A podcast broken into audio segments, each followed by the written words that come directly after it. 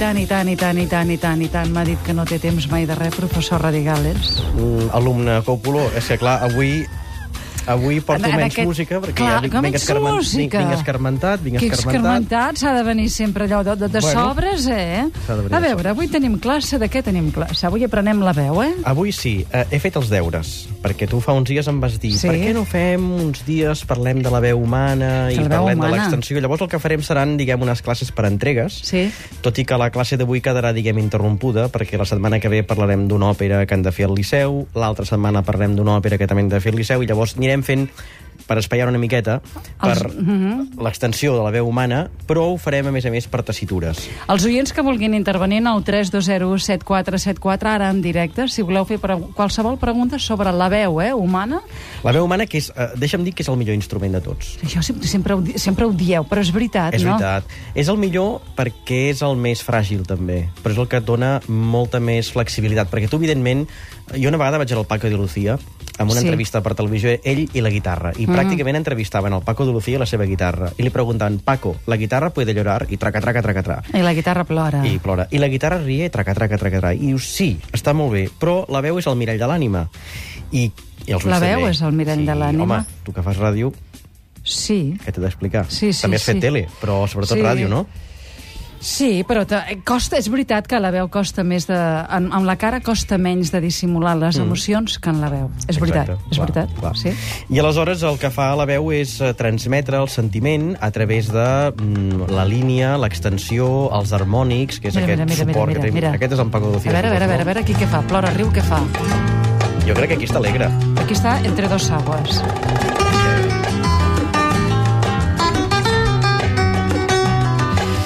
Vinga, tornem a la, tornem a la veu. I La llavors... guitarra pot cantar, pot plorar, però la veu fa més bé. La veu fa més bé i és molt fràgil, perquè pensa que un guitarrista refredat pot fer un concert Sí. o amb 39 de febre. En canvi, un cantant no. Per què? Doncs perquè porta l'instrument a sobre. I, uh -huh. per tant, allò és molt fràgil. I per això els cantants, de vegades, jo els entenc, eh? Són tan maniàtics, tenen tantes manies, alguns fins i tot són una mica divos, ja se sap. Jo els entenc. Bé, anem al, anem al cas. Uh, he pensat que podríem fer una classificació uh -huh. a través de les sis tessitures principals, tres masculines i tres femenines. I avui Sí. ens centrarem en una. Començarem, si no et fa res, començarem Sí, sí. pels homes. Començarem per baix de tot. Sí que són els primers que hem de tirar si el barco Uh, s'enfonsa. això mateix. Comencem... Uh, pam, aquesta. Bona, Còpolo. Bona. Gràcies, m'esforço. I Ara, ara què vols que digui jo? Res. Si que tu vaig. passis amb, la, amb patates. Ja. Vinga, doncs uh, comencem pels de baix i comencem pels baixos, eh, que Sí. sonen així.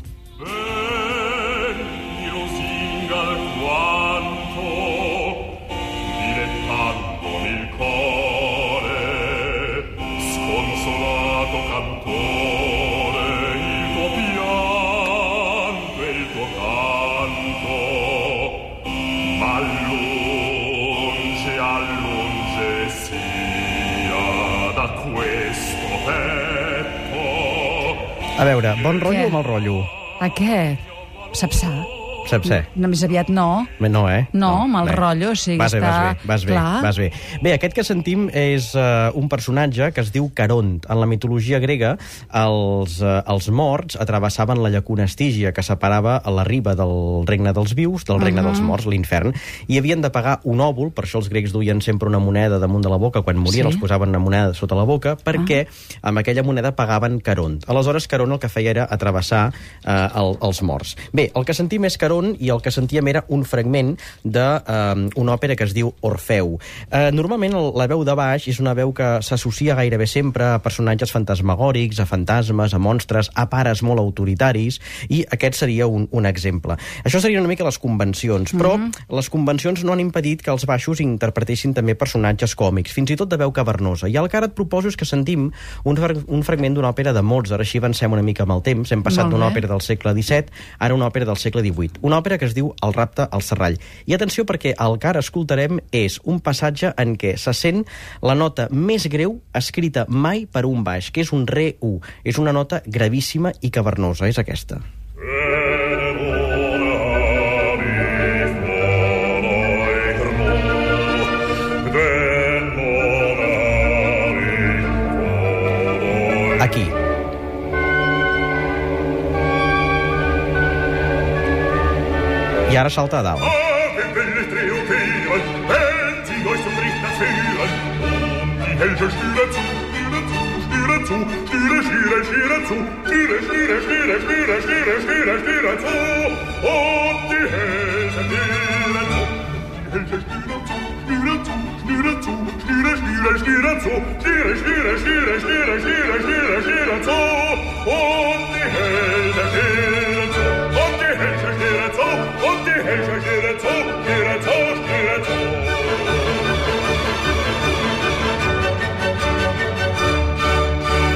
Llavors, quan la nota és tan en l'extrem, greu. Mhm. Costa molt de mantenir-la, no? És a dir, Esclar. ell, ell fa un esforç. Clar, ha de fer un esforç muscular i ha Sí. de mantenir, aguantar la nota, no només aguantar-la amb respiració, sinó també en afinació. Aquella nota no es pot moure de lloc, si no deixa de ser un re, passaria a ser una altra nota. I en aquest cas és la nota, mm, diguem, de virtuosisme per, per la part de baix, però és que a més a més en aquest passatge Mozart el que fa és fer-lo saltar amunt i avall, amunt i avall. Bé, aquest era un personatge còmic. Um, és curiós perquè els, els personatges uh, que interpreten els baixos acostumen a ser, com deia, gent que pertanyen a, a, o bé a fantasmagories, o bé també a reis, a, a, a, a emperadors, a pares molt autoritaris, o també a homes abandonats eh, al seu desamor, homes que reflexionen sobre l'amor que no han pogut aconseguir. I ara O sigui, el que farem Sí, algú que ha fracassat, no? per exemple. I el que ara farem és escoltar un fragment de una àrea que és l'àrea del desamor, una àrea preciosa d'una òpera de Verdi, una òpera italiana, que es diu Don Carlo. I el que sentirem és un personatge que coneixem molt bé aquí en la nostra història, que és Felip II, aquell, aquell rei I que va quina- fer l'Escorial. Tu, tu quina veu fas? No, jo sóc més aviat tenoret, eh? Tenor, tenor sí, tenor. però- sí? Tinc harmònics, però sóc tenoret. tenoret. Té harmònics, aquest xicot té harmònics, Sí, sí, sí, sí, tinc harmònics, però no mossego. molt bé, molt bé, digues, perdona. I, I bé, el que ara sentirem és aquest, Felip II, que reflexiona amb una àrea preciosa, una àrea reflexiva, sobre precisament el desamor a què el sotmet la seva esposa. El text va dient «Ella jamais m'amó», en, en italià, en francès és «Elle ne m'aime pas», perquè la- l'òpera està escrita originàriament en francès. Sentim-ho.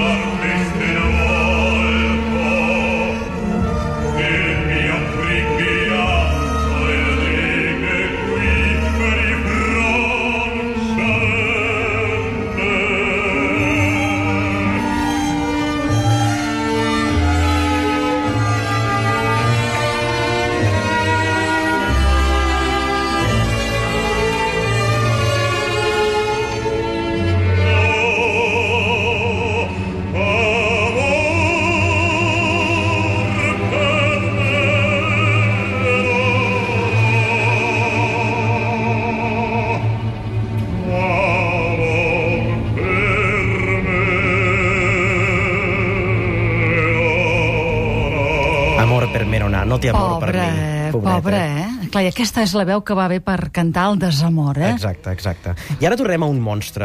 Hem sentit en primer lloc Caron, que és el remer Sí. dels morts, hem sentit un Olosmin, que és el rat pel serrall, hem sentit el rei Felip II. Ara sentirem una cosa que els nens eh, fan molta por quan els expliquen. Bueno, ara no, perquè ara als nens els hi fa por res, però aquells contes que ens explicaven de dracs, de monstres, de gegants, doncs és un drac que està a punt de menjar-se eh, un heroi que es diu Siegfried. I hi ha un moment en què el drac el molesten una mica i el drac diu, i ho diu en alemany, lass mich schlafen, deixa'm dormir. És d'una òpera que es diu Siegfried, una òpera de Richard Wagner. I sentirem només aquesta frase, 14 segons, d'aquest lass mich schlafen, que torna a ser una nota cavernosa. Lasst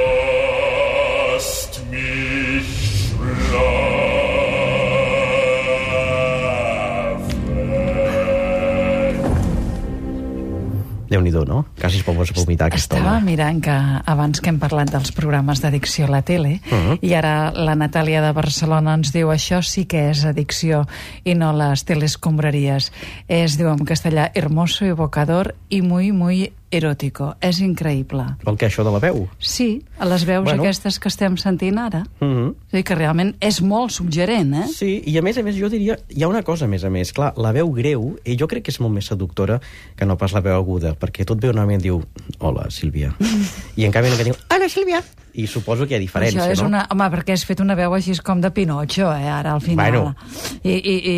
Home, sí, sí, et vol vacilar una mica, se diu, hola, Sílvia. Clar, I tu li dius, bon, James Bond, com? no, clar, et vacila. Sí, però jo crec que a mi també, o sigui, a mi em sedueix molt millor una dona amb una veu greu, amb harmonis, que cuida aquesta cosa cavernosa, que no pas una dona amb veu de pito. Però això és cultural, eh? Si És alguna- cultural, és Alguna cultural. vegada ho hem dit, eh, que aquí se li dona més credibilitat a les veus greus, però que si mires a la CNN, les presentadores uh -huh. de la tele tenen les veus molt més agudes, que no per pas aquí, la, eh? Per captar l'atenció, segurament. No, però... perquè allà les veus agudes, és a dir, aquí la veu greu és sinònim de credibilitat, uh -huh. i allà no.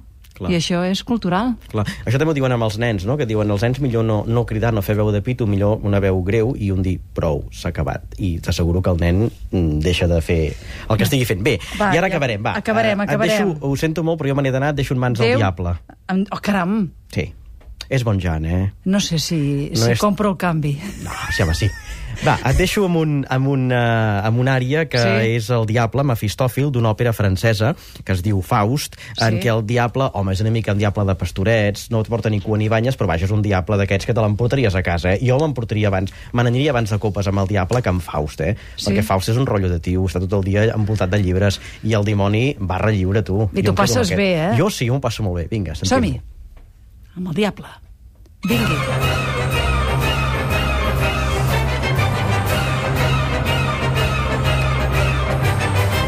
Le Vaudor est toujours debout. On encense sa puissance. On encense sa puissance. Beau du monde à l'autre beau.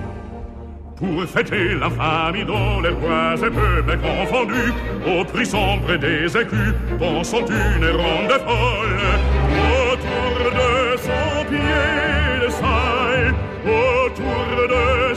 La setmana que ve farem els, ten, els tenors, no? Que ens cantaran l'amor, no? Ho, Què f- ho deixarem per més endavant. La setmana que ve, com que hi ha una òpera al Liceu que es diu Ah, Els sí, Pallassos... que has dit, Els parlem dels Pallassos. De qui és, Els Pallassos? De Leon Cavallo. Una òpera que, atenció, parla de pallassos però no fa riure, al contrari, és el pallasso que riu per fora I plora per dins. Exacte. Pobre. Gràcies, professor Radigales. A vostè.